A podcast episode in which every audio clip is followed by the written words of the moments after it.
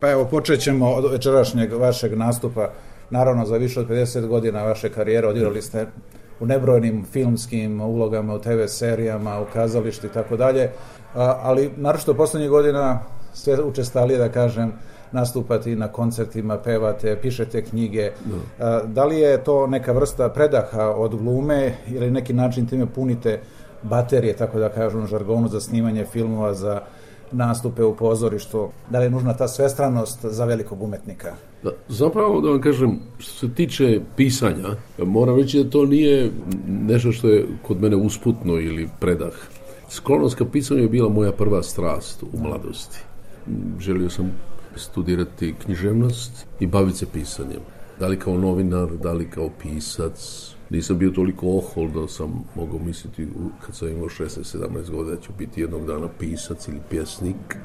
To se ne planira, to se postaje. Da. Ali pisanje i čitanje knjiga bila moja najjača strast u mladosti. I onda je tako došlo da sam otišao slučajno na prijemni ispit za glumu i onda sam prošao i onda je krenula ta priča moja glumačka. Tako da, da sve to skupa nije, kako kažem, usput. To je nešto što je sastavni dio mene. I pisanje i sklonost ka literaturi zapravo mi je užasno mnogo pomoglo u ovom poslu. Pa bez toga ne biste mogli Šekspiru i onake da, pa, da tako pa dobro, mogao bi, mogao bi. I Milivoj Živanović kažu da je bio prosječno obrazovan i čak i neobrazovan, a bio jedan od najvećih glumaca da. ikada. Da, jer da. je u glumačkom poslu intuicija da. A muzika? jaka. A muzika, muzika je išla kroz moju majku koja je uvijek pjevala cijeli život, tako da ja dan danas dođem u neku kafanu i jedan put počne neka pjesma ili neka nepoznata sevdalinka ili potpuno neka pjesma sa juga Srbije ili tako dalje, ja je znam. Jer moja majka je pjevala cijeli život je pjevala. Mm -hmm. I to je nešto od majke moja sklonost I dobro, i kada recimo sad ste, bili ste u Beču, danas u Pragu, ne znam da li imate još neki koncert, posle toga pretpostavljam povratak glumi. Da li ćete time, da li ste umorni ili će vam to pomoći da napunite baterije, tako da kažem? Pa to je, to je jedna, zapravo da vam kažem, lijepa kombinacija. Da. A zapravo pravi razlog zašto ja sam krenuo da radim te ovaj, koncerte toliko intenzivno u zadnje vrijeme, znači što od 2000 te pa ovamo, ovih zadnjih 20 godina, jeste to što sam ja od 91. godine prestao da budem glumac na svom jeziku u kazalištu. -hmm. Prestao sam igrati. Tu i tamo sam još odigrao neki film na našem jeziku, ali isto vrlo malo. Uglavnom sam na engleskom jeziku igrao stranim filmovima i u teatru u Londonu sa Vanessa Redgrave, još u, u Royal Exchange Theatre u Manchesteru i tako još neki u Royal ovome, Riverside studiju u Londonu. Tako da sam uglavnom na engleskom jeziku glumio. I onda meni, meni je manjkao i falio mi taj, ta interakcija sa mojom publikom na mom jeziku, jer tu sam najjači kao glumac, jel? I onda je došlo do toga da, da sam ja preko koncerata koje sam radio, a dosta sam i pjesama u toj samoći svojoj od 20 godina ili u 10 godina tada, ovaj, dok sam stanao u Londonu, družio se sam s gitarom ovaj, bez teatra, bez ičega, bez prijatelja s kojima radim teatar ili bilo što na mom jeziku. I onda sam pisao dosta pjesama. I onda je to tako se akumuliralo, jel? I onda sam mogao praviti koncerte sastavljene od mojih pjesama i od pjesama nekih mojih prijatelja, najviše Arsena Dedića i još nekih drugih remake-ova koje sam radio i tako onda sam pravio te svoje koncerte koji su zapravo bili moji moja nadoknada za teatar da. koji mi je falio na mom jeziku. A to sam vas pitan, kako vi gledate na ulogu umetnosti danas? Da li je to neka vrsta bekstva od stvarnosti koja nije ni malo ružičasta ni danas, u ostalom kroz istoriju uglavnom i nije bila ružičasta, je nam umetnost bilo vama kao koji se bavite umetnošću ili nama kao konzumentima, a, umetnost pomaže da shvatimo stvarnost na bolji način. Sve vremeno je Marks rekao da su knjige Honora de Balzaka pomogle i svima su pomogle da mnogo bolje razumiju društvenu stvarnost 19. veka nego sve kupusare po znacima navoda raznih no. teoretičara. A Orwell je svoju 84. životinsku farmu, to je distopijsku sliku budućnosti, a, napisao u književnoj formi.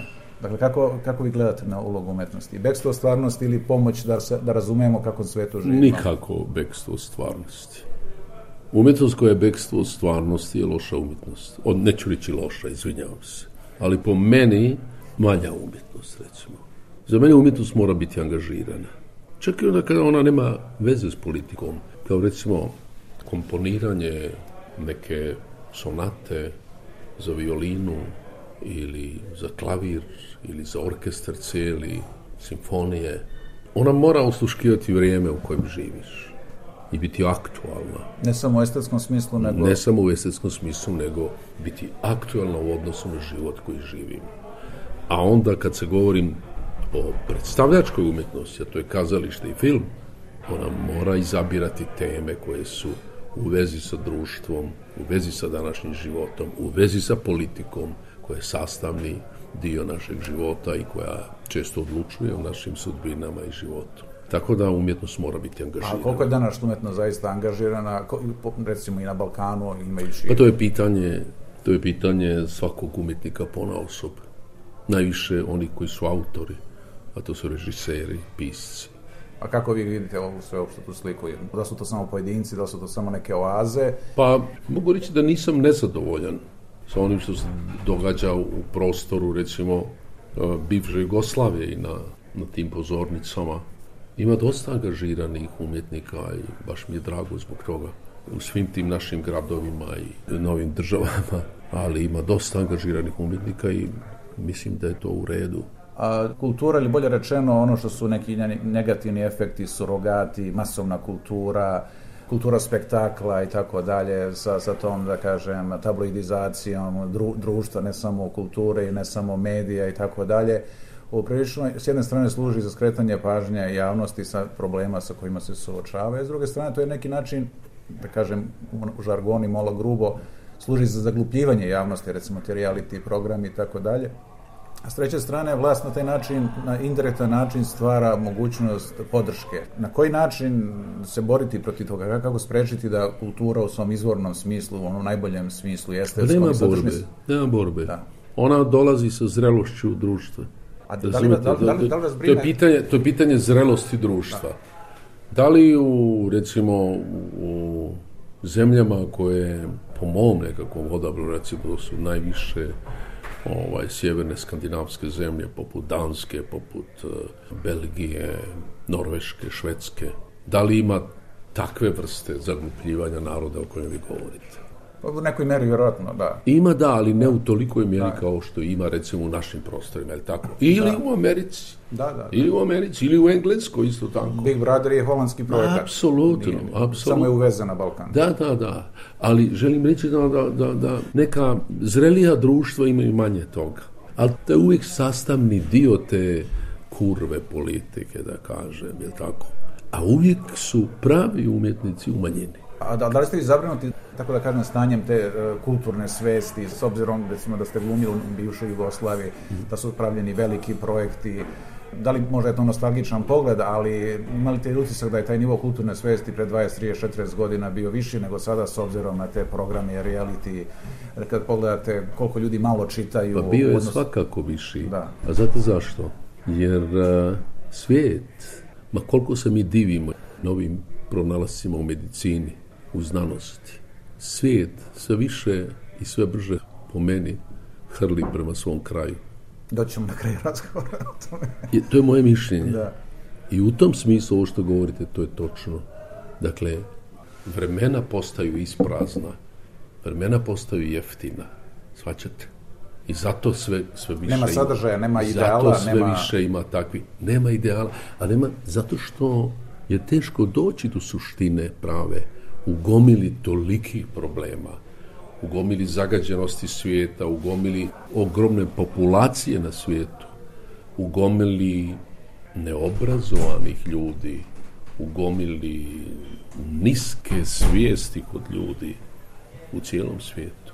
I to je problem. Kako da glumite ili ne glumite, nego kako uopće da pravite umjetnost, izabranu vrhunsku umjetnost, koja može zainteresirati mase. Ne može. Jer su mase ostale, u, uglavnom većina mase ostala na niskom stupnju razvoja. To je ipak u nekom smislu zasluga kapitalizma.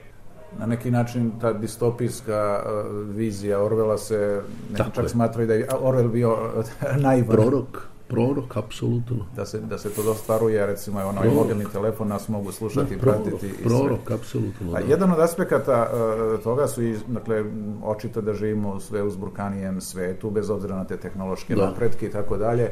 Između ostalog, jedan od problema su sve veće socijalne nejednakosti. Čak i Warren Buffetta pre neki dan je i, i Bill Gates rekao da to e, vodi u, u, u katastrofu i zatražio je da se poveća progresivni taj porez e, na bogate. Međutim, već deset godina se govori o socijalnim jednakostima kao ključnom problemu. Međutim, nejednakosti se produbljuju. Vi kažete za sebe da ste levičarskih opredeljenja. Imali rešenja tom e, problemu ili mi idemo kao neki perpetuum mobile, kao voz kome su kočnice otkazale ka nekom, uslovno rečeno, nekom, nekom ambisu? Ka, kako vidite taj problem nejednakosti? Zašto su danas Prije svega, ma koliko je taj Bill Gates uh, simpatičan u nekim svojim potezima da. i odlukama, ali zapravo bi bio pravi put njegov da, da napravi javno samoubojstvo. Razumete što želim reći? Da, figurativno rečeno. Figurativno, naravno, ja želim sve dobro da. i ne nagovaram ga na to, ali figurativno. On dosta rečeno. pomaže u toj svojoj dobrotvornoj fondaciji. Sve je u redu, ali želim reći, ali kako je postao to što je postao. Kako je postalo to zlo što je postalo, da, da se ta, ta, da, ta šačica ljudi vlada svijetom, a u čitav svijet je jedan užas od proletara, proletera, proletarijata, siromašnih ljudi koji umiru po, po Africi, po Aziji. Pa to su pitanja današnjeg čovečanstva. I tu je ta šarena laža kapitalizma koja finansira taj srednji sloj. Koji se tanji čak i, na zapadu. Tačno. I daje im, daje im nekakve mrvice da može pristojno da živi. A da, li... A da ne govorim, i nije ih briga uopće za ovaj niži sloj. Eto, to, o tom se radi, o tom se radi. Ta velika većina onda. Međutim, bojim se da će doći do neke kataklizme. Mislite na revolucije? Mislite? Da, Revolucija, ovako bih htio reći, dakle, revolucija svjetska, socijalna, koja se bude dogodila, ona se neće dogoditi po principu artikulacije nekada Marksa i Engelsa ili poslije u, u smislu artikulacije šta ja znam, pobjede nad fašizmom u kojim se ubraja i naš Josip Broz Tito, pa čak i Rusi, sve to, taj socijalizam neki koji je htio mijenjati svijet. Jer nema ljudi koji će razumjeti lidere i filozofe. Mislite će da biti rušilačka?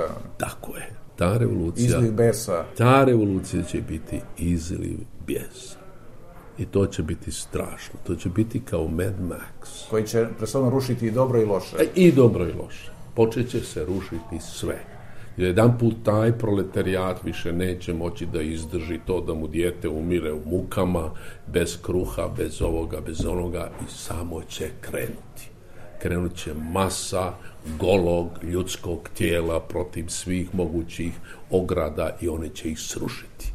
Ta masa je u stanju da pregrize sve željezne zaštite dvoraca i parlamenta i to će biti A da, vi ste živjeli u Los Angelesu godinama, ne znam tačno koliko, ali i videli ste na, na delu kako izgleda taj kontrast.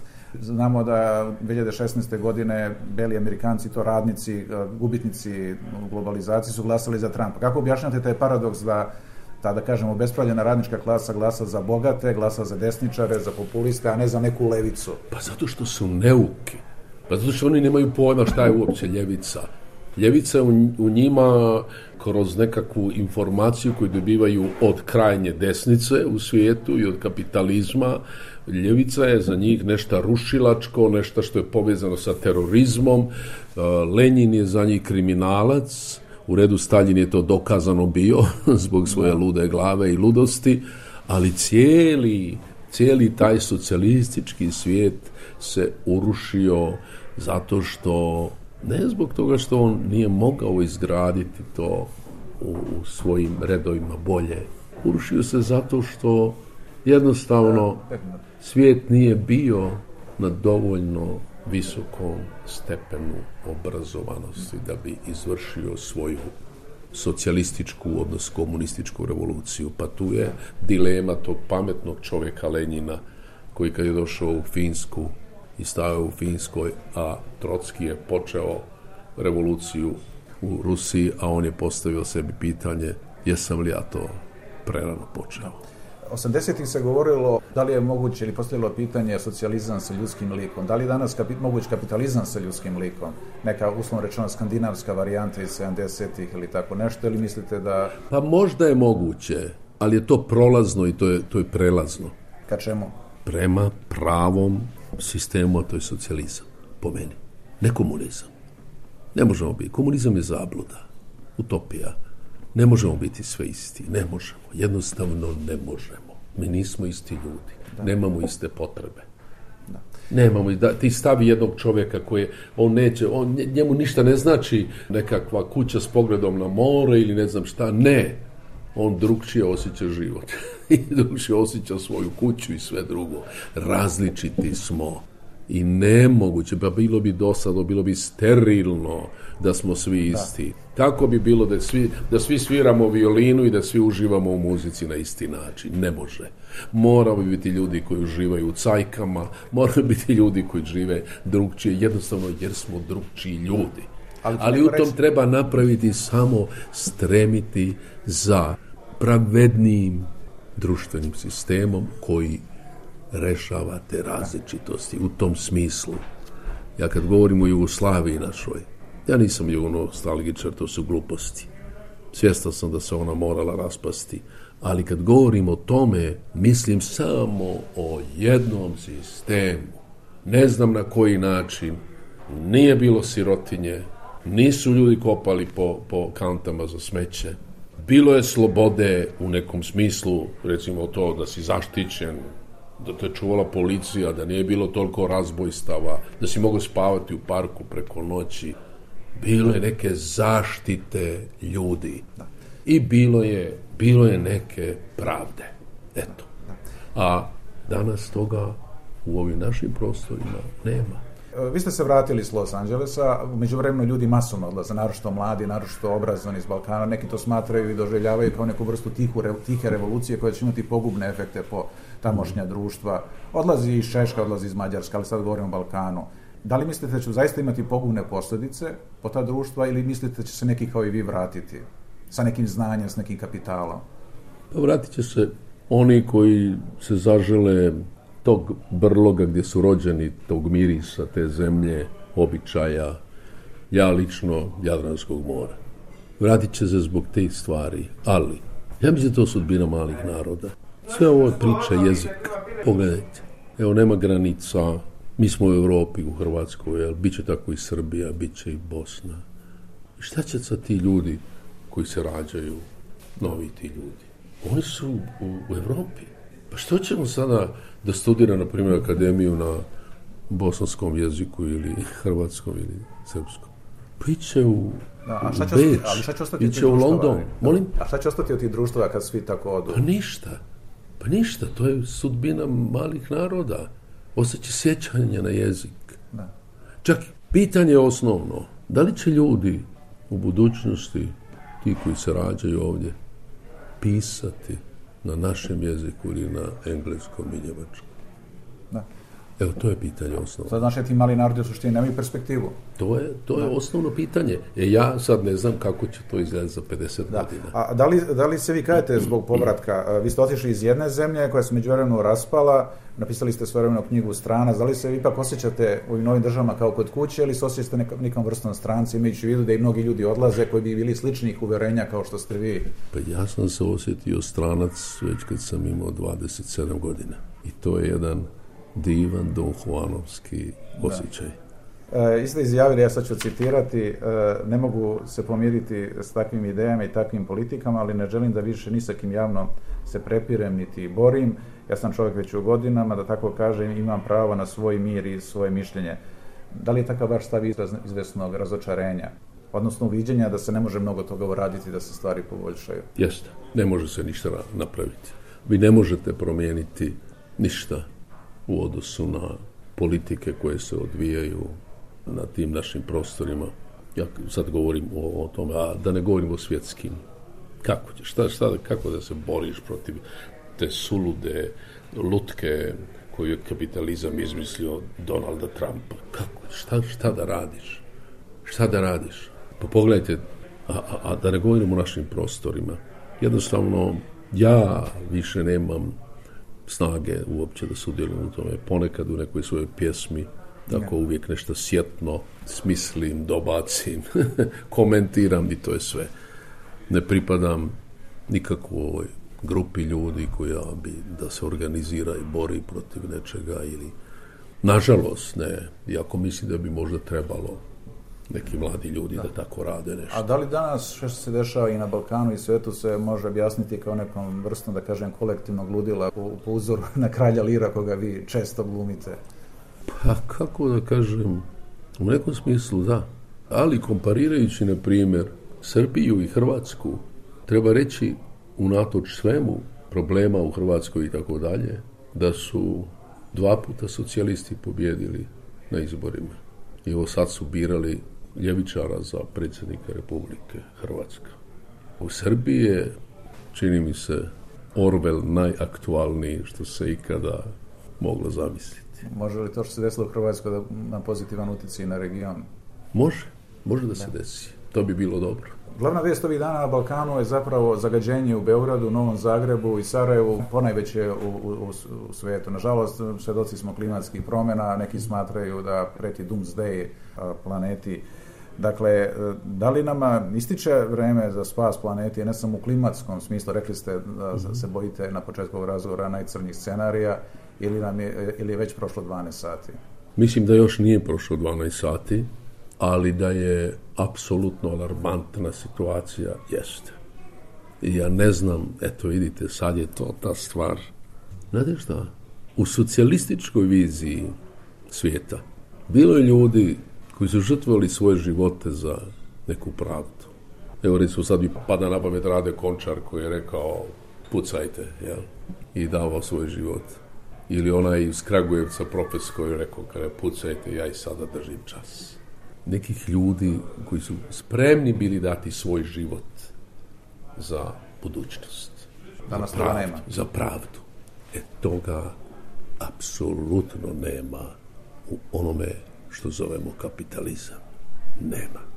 Da li je zapravo najgore to što nam se desilo, dakle ove pojavne manifestacije, nejednakost, klimatske promjene su zapravo samo izraz toga da smo izgubili dušu kao civilizacija? Pa gledajte, pa oni koji vladaju svijetom, a njih je malo, pa oni znadu da će oni živjeti 30 godina. Za 30 godina neće se dogoditi katastrofa svijeta, ali njih nije briga šta će biti poslije 30 godina. O tom A koliko smo mi kao ljudi obični izgubili dušu, koliko su i narodi krivi, rekli ste na trenutku, podržavajući određene politike, rekli ste u Srbiji da na neki način živi Orvela. Znate šta, ima nade. Ja ću vam reći ovako, vozio, vozio mi jedan mali, mladi Bugar prije jedno 7-8 godina iz Bugarske iz Sofije išli smo za Beograd. I on me vozio autom, bio šofer. I ja sam onako sjedio do njega, snimao se neki film i on je, on je iz filmskog svijeta, tako, čovjek. I ne znam kako, inače ja nisam takav čovjek, ja pazim na prirodu, ali ne znam, valjda sam bio umoran. I otvorio sam prozor, izbacio sam jednu kartonsku neku kuticu koju sam izbacio, bacio sam je van kroz prozor da je odletila tamo pored ceste na, u neku livadu. I on je zakočio auto. Vratio se na rikvrc po onoj usputnoj traci, stao, otrčao, prešao preko one bankine, uzeo to, vratio unutra, stavio tu kuticu kartona i bez riječi nastavio voziti. Ja sam bio postiđen i razmišljao o tome, a vidi mlad čovjek, ništa, šofer, E, ima neke nade. I to je neka vrsta ideala. Ima neke nade.